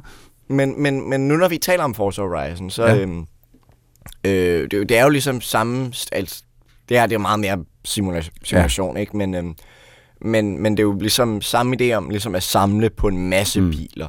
Og i Forza Horizon, så får du de biler til højre til venstre. Ja, ikke? ja. Altså, du er færdig med et race, og så laver du lige et wheelspin, og så får du tre. Ja, ikke? ja, ja. Altså, mens at her, der, øhm, der går det langsomt. Der skal man kæmpe for hver Og, eneste og, bil. øhm, ja, øh, udover de biler, du får gratis for et race, Ja. så, øhm, øh, koster biler rimelig meget, ja. og det tager rimelig lang tid at få credits. Okay. Øhm, og, og det er både for godt og ondt. Ja. Fordi at på den ene side, det, det gør, at hver gang du så tager den beslutning, okay, nu køber jeg den her bil, nu køber jeg den her bil, yes. Så, så, øhm, øh, så er det en stor beslutning, Ja, ikke? du Fordi bruger at, at mange du ved, så, uh, oh God, nu har jeg ikke nogen penge længere, Ja, vel? super altså, øhm, øh, men det betyder også, at, at der nogle gange kan gå lidt for lang tid Ja. mellem at få nye biler, og hvis man gerne vil have en af de der rigtig hurtige sportsvogne der, ikke? Som et, hvis jeg gerne vil have en Lamborghini, eller Ja. Du, ved, et eller andet, ikke? Øhm, Så tager det noget tid. Så der er meget grind. Ja, der er ret meget grind. Ja. Øhm, ikke at jeg ikke kan lide grindet. Jeg synes, det er sjovt, fordi at, at, at altså, både ræsene er sjove, banerne er... Eller det kommer lidt an på, hvad for et race du tager. Der er de der race, hvor du starter i hvor det er en running start, Ja. ikke hvor du starter helt tilbage i bunden, Og så skal hvor man du køre så sig skal selv op. komme op forrest i mm. to-tre laps, ikke? Som jeg synes øhm, er, er, er lidt kedelig, fordi at øh, øhm, den AI, du så kører mod, mm. kører så selvfølgelig meget langsomt for at kompensere for, at du skal kunne nå helt op på førstepladsen Ja, ja, ja. inden for tre laps eller Ja. ja. et eller andet, ikke? Og, og det betyder, at de, jeg har altså oplevet, at de bremser på nogle af de mærkeligste tidspunkter. Altså sådan, jeg, sådan midt i et sving, hvor man, du ved, kun lige vil Slip speederen. øh, slip speederen, eller nogle steder, hvor man speederen i bund, Ja, gunner den. ikke? Så bremser de ikke, og så støder man lige ind i dem. Åh, ja. og, og det er irriterende, fordi at, at øhm, hvis man gerne vil have nogle penge, Ja. Så er det en god idé at lade være med at støde ind i alle de andre Åh, man biler. skal man også betale penge for det? Nej, nej, nej, fordi at øhm, man får en 50% bonus i credits, hvis man har et clean race. Ah. Og det er sådan... Det gør det svært, selvfølgelig. Og, og, og det betyder, at man prøver at undgå at støde ind i alle dem her. Ikke? Ja. Og, og, det, og, det, og det gør det ikke særlig interessant at overhale nogen, når de... Nej, jeg har også siddet og spillet det en ja. lille smule. Jeg bootede det lige op, for ja. jeg skulle lige se, hvad er det for noget, det her. Og, øh, og kørte et race, og med det samme, så kunne jeg bare mærke, nej, jeg tror mere, jeg er til Forza Horizon, fordi. Ja. det, bliver, det, bliver, det, det går langsomt, synes jeg, og, og igen også, øh, som. Ja. som jeg allerede har sagt, jeg er altid utilfreds med de japanske menuer. Jeg synes, det er simpelthen så umuligt at finde ud af. Ja. Men jeg skal lige høre, hvordan spiller du? Havde du et ret, eller sad du Nej, med men, en controller? nej, men jeg, jeg har prøvet lidt af begge dele. Jeg Ja. har, øh, derhjemme har jeg et, øh, et Fanatec øh, Gran Turismo DD Pro, og det er sådan et direct drive ret, så det øh, har, har meget, meget, meget god force feedback, vil Ja. jeg sige. Og, øh, og, og, og der har jeg synes, det har været virkelig sjovt at spille, Ja. ja. fordi man kan sådan kunne Ja, det, har, det, Ja, har det føles, føles jeg, jeg har virkelig kunne mærke forskel på de forskellige biler. Altså køre en normal, fuldstændig utunet øh, personbil Mhm. har føles helt anderledes fra at køre en, øh, En- en en, en, sportsvogn en eller- sportsvogn, ikke? Eller, øh, øh, eller deres superformula-biler, mm. eller et eller andet, ikke? Mens at, øhm, øh, men så vælger jeg også, jeg vil også, jeg prøvede også at spille lidt med controller, Ja. øh, med PS5-controlleren. DualSense. Og den har, ja, det har alle de der funktioner Ja. og sådan noget. Og det, det kunne jeg faktisk virkelig godt lide. Ja, jeg har hørt meget om faktisk... triggerne der er ret Ja. fede, de ligesom giver lidt igen, når du Øh, giver ja, ja, ja, når du bremser, sådan, kan man sådan ligesom mærke, og det, og det, det gjorde, fordi normalt, når jeg spiller en, en racing sim, eller simcave, hvad man nu vil kalde Ja, ja, det, jeg er egentlig ligeglad med det der, så plejer jeg at slå assist til, når jeg spiller med Ja. controller, ikke? fordi at jeg har ikke force feedback, jeg kan ikke mærke, når Nej. jeg er ved at spinne ud, eller, eller når jeg er ved at lock bremserne, eller Ja, ja, ja. ikke? Øhm, men så her, der følte jeg, jeg kunne godt spille med lidt færre assist, Ja. og, og jeg følte ikke, at, at altså, jeg, jeg, jeg var hurtigere, når jeg spillede med ret, Ja. men jeg følte ikke, jeg var så meget hurtigere, end, end når jeg spiller Formel 1-spillene, for Nej. eksempel. Øhm, når jeg spiller Formel 1-spil med, med controller, så altså, det kan jeg slet ikke. Det er helt umuligt. Det, det føler jeg er umuligt for mig. Nå, okay, jamen altså, så, så øh, køreoplevelsen, den er fantastisk. Den er, den er virkelig fed. Grafikken er mega fed. Virkelig fed. du er okay med menuerne og måde, man... Der, er lidt for meget Ja. grinding, men, men det er du okay med det meste af tiden. øh, øh, jeg, jeg vil ikke sige lidt for meget, men øh, jeg tror, det smager behag. Det smager ikke? behag. Altså, sådan. Så lad os også lige hurtigt vende, fordi at, øh, der er rimelig mange baner med i det her spil, øh, forskellige øh, raceways, og hvordan øh, er, de, er, det nogle, øh, er det nogle fede øh, baner, de har taget med i den her omgang? Ja, øh, altså de har jo... Øh, øh, der er jo nogle af de klassiske, ikke? Ja. Ja. altså Spar og sådan noget, ikke? Og, og Nord, Nordschleifen, ikke? Nürburgringen er vel også? Nürburgringen, ja, ja, med. selvfølgelig, ikke? Og, og Nürburgring, den er forfærdelig. øhm, øh, men, øhm, og så er der jo også nogle af de mere, de, de fiktive Ja. øh, øh, Gran Turismo øh, baner, som... Øh, Som ikke eksisterer i virkeligheden? Ja, okay, jeg kunne huske, hvad de hedder. Nej, men det er også okay. Men, men og, og så er der min yndlings, jeg, jeg elsker at køre rundt øh, på highwaysene i Tokyo. Ja. Det, oh, det er bare det er Og det dejligt. er så pænt, også når det er om natten, og så Ja, den her, og så når man ser replaysene og hører lyden af bilerne, der kører gennem tunnelerne, og det... Det er, øh, det er ikke et spil til, til, til adrenalin-junkierne. Det er et spil, Nej. man tager sig god tid med. Man sætter sig ned, Yes. så, så har man måske lige lavet en kop kaffe Ja, og, ja, ja. og har en bagel i den anden hånd, og så sætter sig ned, og nu skal vi til at spille Ja, ja, ja. Gran Turismo 7. Ja. ja. Okay, men jeg kan høre så fra dig, det er jo stadig en gigantisk anbefaling. Du er helt vild med Ja, det er det. i hvert fald. Er det noget, øh, du, lige her på faldrebet, er det noget, du føler, man bør have et ret til at spille, eller er det fint Nej, det med føler jeg slet ikke. Nej. Øh, I hvert fald ikke, hvis man spiller på PS5. Nej. Øhm, Ja, det er til, til de tre mennesker, som der har en Ja, PS5. stadig. Øhm, øh, men øh, øh, nu kan jeg ikke tale for oplevelsen på øh, PS4-controller, men, men, men jeg synes faktisk, at øh, Du at siger jo selv, at det, er var, det, at det er Ja. den der DualSense med, at den giver lidt Ja. force feedback controller. Det er det, der ligesom har gjort, Ja, at altså selvfølgelig, hvis man kan spille med ret, så skal man spille med ret. Man skal ikke? spille med ret. Men, men, men jeg synes også, det var hyggeligt bare nogle gange lige at sætte mig ned og bare lige sidde med controlleren, Ja. og, og der havde jeg det egentlig meget sjovt. Så det her det er altså en kæmpe anbefaling af Gran Turismo Yes. 7, og i den grad også en kæmpe anbefaling af Fanatec's øh, psykopatret, som Ja. kan sættes til en PlayStation 5.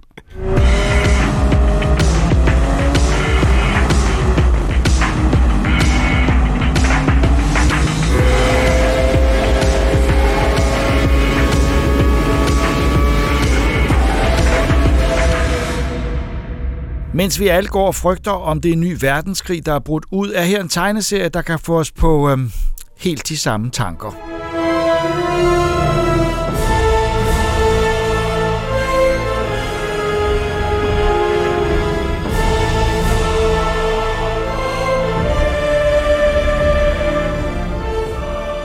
I World War X eller World War 10, vi ved ikke rigtigt, hvordan det skal udtales. Det er et, et X, så det kunne også være romertal 10.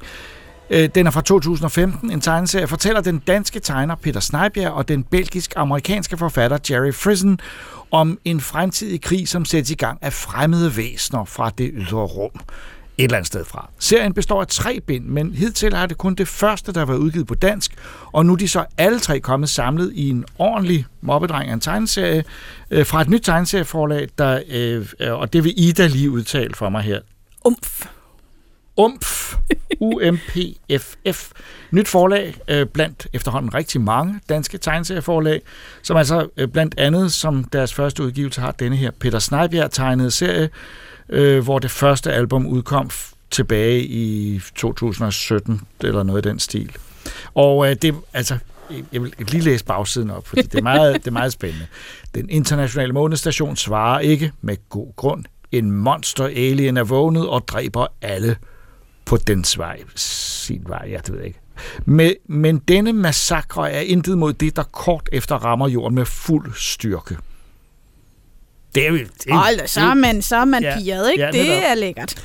øh, vi har begge to læst øh, øh, denne her World War X. ja, World jeg siger War 10. X. Jeg Du tænker X. extraterrestrial. Det kan det også være, ja. Og ja. Ja. der er heller ikke noget rigtigt, øh, som om, at det skulle være det, den 10. verdenskrig. Øh, Nej, det, det, jeg tæ- jeg, jeg, det, så langt ude i fremtiden virker den heller ikke til at være. Altså, øh, Peter Snejbjerg er jo bor her i Danmark, øh, og vi kunne egentlig have kontaktet ham og spurgt ham. Det har vi ikke fået gjort. Det må vi gøre bagefter. Ja, øh, han har været med til den her udgivelse, så der blandt andet også er nogle af hans skitser. Og han er jo en fantastisk tegner. Øh, mange vil kende ham fra flere Dark Horse-udgivelser i USA, hvor han tegnede lang tid, og i dag kan man også tit se hans navn som manuskriptforfatter i Anders Sander Company. Ej, hvor hyggeligt. Ja, så han, øh, og der kan ser man, der er der ikke så meget verdenskrig.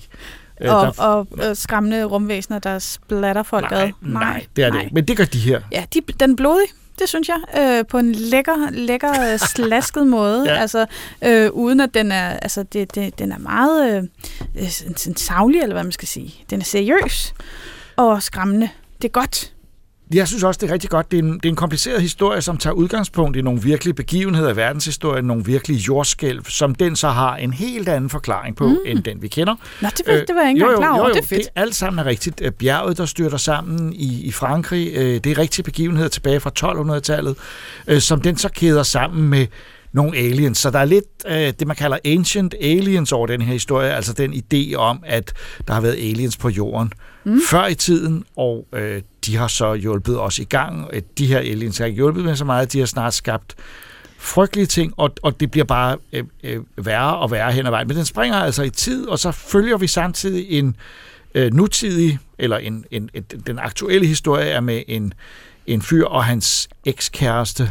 Ekskone? Ekskone. Eller, øh, de er vel i teorien stadigvæk gift, men separeret, og hun har taget sit, øh, sit gamle efternavn til sig, hvilket han synes er gået lidt stærkt. Ja. Så øh, ej, der er super mange elementer i den her fortælling, øh, men jeg synes, at det går over stok og sten på en, en fed måde.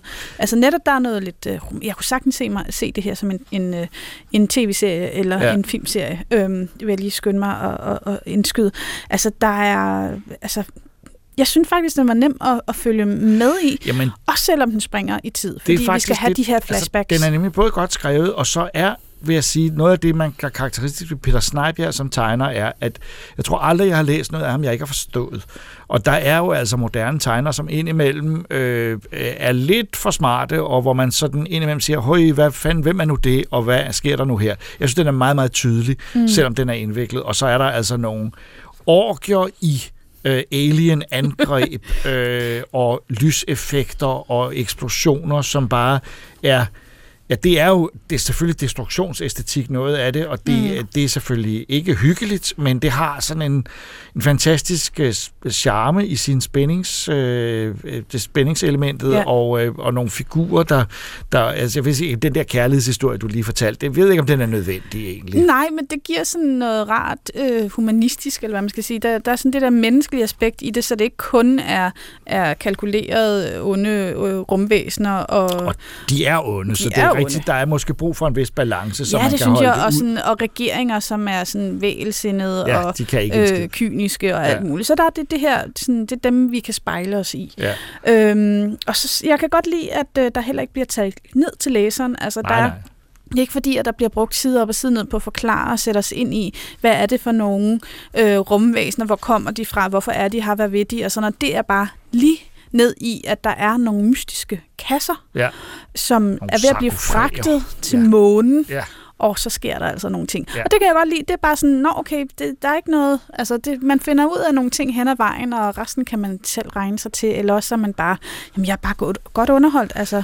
Altså, det, det det er klart, at øh, den, den, i, den, i sin det komplicerede i handlingen gør, at man skal lige holde tungen lige i munden, men ikke mere end som så, og den er meget lige fremt og lige tilfortalt, og så, så har den altså som sagt nogle, nogle, nogle passager, hvor at den har også nogle meget voldelige ting. Der, er- der er en, en kvindelig alien, som øh, Og der er jo i virkeligheden flere aliens. der er en helt flere forskellige altså, typer. Altså, der er både en, som er lidt god, og så er der nogen, som er onde, og så er der nogen, der er endnu ondere. Ja. Så det, øh, det skal man også lige finde ud af. Og de her øh, onde, onde aliens, de har jo også en evne til at manipulere med mennesker, så vi mm. bliver sådan lidt zombie-agtige. Jamen, de har jo de slaver. Styre, altså, jamen, det, der, er en del, der er en del af menneskeheden, der er, der er slaver i det her, øh, øh, for at, øh, hvad de så end vil med os. Mm. Øh, men det korte og lange er, at øh, øh, det er sjældent, man ser en dansk tegner arbejde med den slags ting her. Vi ser ikke nogen danske tegneserier generelt, der er så øh, på den ene side super, kom, er meget kommerciel jo, fordi den er meget øh, mainstream i sin, sin, øh, sit udtryk. Den er ikke avantgarde på nogen måde, men mm-hmm. den er Mhm. bare sindssygt underholdende. Øh, og øh, jeg vil sige på den måde, jeg kan huske, da jeg læste det første album i sin tid, da det udkom, der tænkte jeg, Jamen, det slutter jo åbent, og så kom det aldrig. Så derfor er det en, øh, virkelig fedt for mig, at det er lykkedes endelig at øh, få dem alle tre udgivet på dansk, øh, så man kan læse det. Og så øh, i et hæfte. Jeg synes, det er en i- dejlig ja. læseoplevelse. Man Ja. kan sagtens læse det. Altså, Ja. det er en, det er en, øh, en kande te, og så øh, en blød stol, og så er, den, så er det en dejlig eftermiddag. Altså jeg vil sige, det der med teen, det ved jeg ikke, hvor meget jeg er med på. Jeg synes, øh, der skal noget andet til her, men det er rigtigt. Øh, et eller andet snacks, og så denne her tegneserie, så er weekenden reddet. Og øh, hvis man, hvis man tænker for meget på krig, som sagt lige for øjeblikket, så er det en god afledningsmanøvre, for her er alting bare endnu værre. Ja, og russerne er stadigvæk nogle idioter. Det er jo altid noget faktisk, så den er jo dybest set øh, øh, stærkt aktuel. Ja. Det var tegneserien fra, øh, fra Peter Snejbjerg og, øh, og hans, øh, hans forfatter Jerry Friesen, World War X, den samlede udgave, som netop er udkommet, og som vi anbefaler til alle, der kan lide et godt sci-fi action. Sci-fi, zombie, krigs... Øh, ja, det er Alle de rigtige ord. Alle de rigtige ord.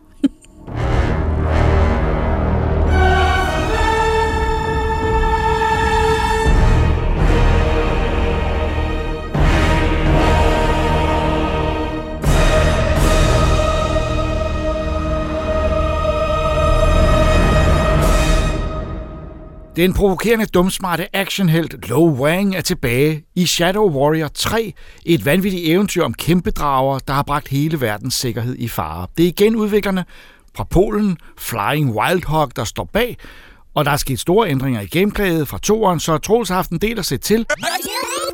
Oh, please tell me I don't always make that face. I just can't believe how still your hair stays. Mm. It's not exactly flattering now, is it? Please, finish whatever you're doing. Something is out there and it's super pissed. You can't rush creativity, Motoko. Wait, why am I editing this trailer anyway?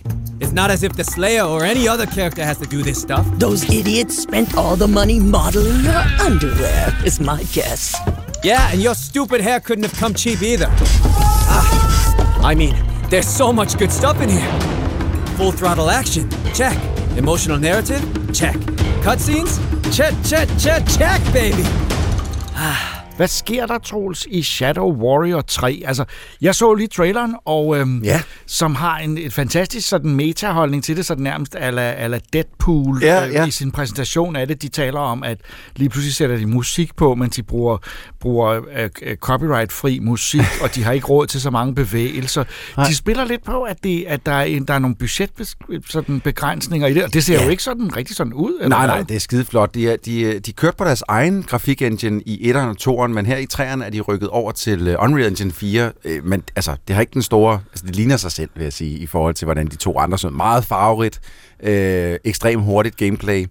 Men, og, men og der, der, så er der en kæmpemæssig drage, står der også. Ja. Og det, det, altså, traileren er, er virkelig... Øh, øh, satirisk. Ja, men det, men det har... Og holder spillet den ja, ja, men hele det... vejen. Og det har det også gjort i de første to. Ja, ja, og plus også de helt gamle Shadow Warrior-spil øh, fra 2D-dagene, som kørte i Build Engine eller sådan noget. Hvor Lo Wang har altid været sådan lidt en metafigur, der kunne finde ud af at lave meta-jokes. Ja, ja. Øh, det var, altså, og, og, mange af dem havde også noget at gøre med hans egen penisstørrelse, som altid var ikke helt stor nok eller for stor. Øh, Præcis. Og, og det vil sige, det er de jeg vil ikke sige heldigvis gået væk fra det, men det er blevet en lille bit smule mere raffineret, ja. vil jeg sige, jokesene ja. i, i, i de nye her. Men Træerne tager ligesom udgangspunkt i den her kæmpe drage, som, som øh, Lo Wang, som er vores hovedperson, og så hans øh, ven slash fjende Hoji er kommet lidt til at slippe fri i toren, og som nu har raseret hele verden. Og det er så Lo Wangs opgave at skulle få den der store drage ned med nakken. Øh, og hvor at, at, at toren ligesom havde sådan en... De havde prøvet at adapte sådan en, en open world-agtig øh, sandkassestil, hvor at man ligesom skulle ud på quests øh, forskellige steder i den her verden. Og så er det her, det er lidt mere ala øh, Doom 2 fra 2016. Det, du, du har nogle platformsegmenter, hvor du render igennem, og så kommer du til en, en arena, og inde i den arena, der kommer alle fjenderne, så skal du nakke alle fjenderne, og så, der, øh, så skal du så videre, indtil du når en ny arena, og så... Øh, det er en god gammeldags, det man kalder en boomer shooter, ikke? Mm. Altså store, fede våben med nogle øh, crackling lydeffekter, som siger når du skyder dem, og så masser af fjender med blod ud over det hele. Jamen, altså, det lyder meget enkelt. Ja. Øh, og, og, og, og du lyder, som om du har fornøjet dig ved det. Ja, det har jeg faktisk. Altså, øh, imellem Elden Ring og øh, de mange ja, okay. andre... Øh, det er ikke den slags dybder, vi er ude i. Slet ikke. Altså, det, det er... Jeg tror, det tog mig 6,5 timer at gennemføre. Det, det er et rimelig kort spil, og, og, øh, og det er ikke specielt avanceret. Nogle af de senere baner bliver rimelig svære, sådan lige at, at komme forbi en, en specifik arena og sådan noget, men det er rimelig lige til. Det er en, øh, en historie, hvor du bliver taget i hånden, og så sagt, nu her der er der nogle våben, nu tager jeg dig i hånden, og så fortæller jeg en historie, mens du skyder alt, hvad du møder på vejen. Ikke? Og det var på mange måder sådan lidt... Øh, men nu, så kan man lige slappe lidt af med sådan en, en boomer shooter, og bare lige tage det stille og roligt. Ikke?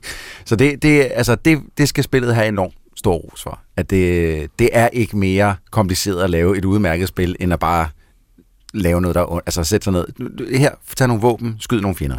Men det fede ved det er, Jacob, det er, at de har lavet så mange forskellige fjender, som ikke bare ser forskellige ud, men som også bevæger sig fuldstændig forskelligt, har fuldstændig forskellige angreb, som, mm, som passer sammen med de våben, som du får. Så det vil sige, hvis du har en... Øh, der er sådan nogle øh, samurai ninjas med nogle store hatte på, som sådan ligesom kan, kan teleporte sig frem og tilbage. De har nogle meget specifikke angreb, som du, hvor du, de har ligesom et skjold udenom sig, som du er nødt til at bryde ned først, før du kan begynde at skyde på dem. Så bruger man et våben til at bryde dem ned, og et andet til ligesom at skyde dem, når skjoldet er brudt ned. Øh, der kommer også nogle flyvende fjender, som brækker sig ud over dig, har sådan nogle, øh, hvad der ligner sådan nogle snot Gatling guns, der skyder med sådan noget grønt væske efter dig, ikke? Øh, og de, dem skal man bruge granatkasteren på, fordi at alt andet er for svagt til at nedkæmpe dem. Så man skal sådan hele tiden øh, tænke lidt taktisk over, okay, hvad er det for en kamp, jeg er ude i her? Hvad er det for nogle fjender? og hvad er det for et våben, jeg bruger, og hvad skal vi bruge af Men det virker mest af alt som, det er et spil, der ikke tager sig selv særlig alvorligt. Det gør det bestemt ikke. Jeg, jeg elsker dig og på et det er jo tidspunkt... meget rart, ikke også? Jo, jo, fordi der, der, der var et tidspunkt, hvor der får man sådan en, øh, en, en, en grappling hook. Ja. Og der siger ja, det reklamerer de meget for i traileren, som om, wow, der er en grappling hook. Men det er der simpelthen en grund til, fordi når, det er, når du får grappling hooken og bruger den første gang, så kan du høre Lo Wang, der sidder og siger, så nu fik jeg endelig grappling hooken. Det er sgu også så moderne nu til dags. Og, og det er bare, det er så dejligt meta, og, det, og jeg sidder og nikker og siger, ja, det er Halo har gjort det. Der er tusind andre spillere, der gjort det. De gjorde det også Horizon Zero Dawn, eller undskyld, Horizon Forbidden West.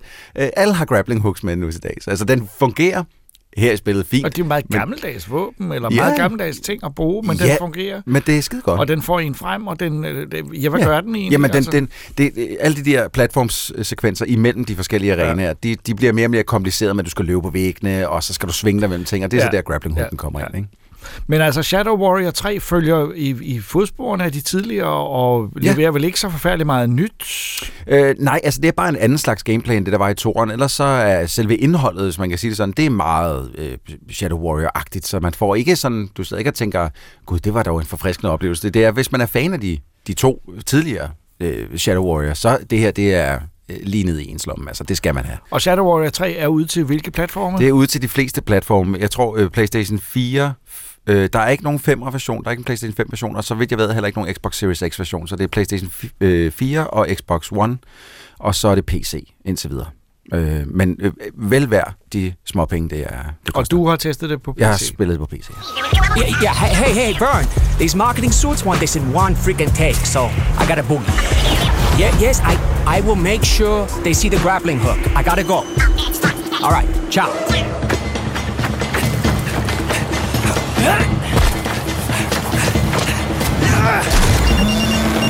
Not now, Mere har vi ikke i Troldspejlet podcast i denne udgave.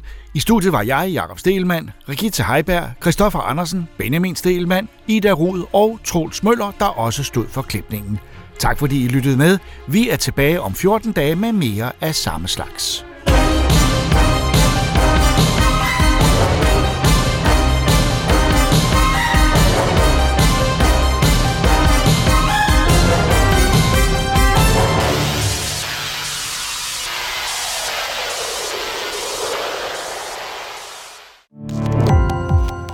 Gå på opdagelse i alle DR's podcast og radioprogrammer. I appen DR Lyd.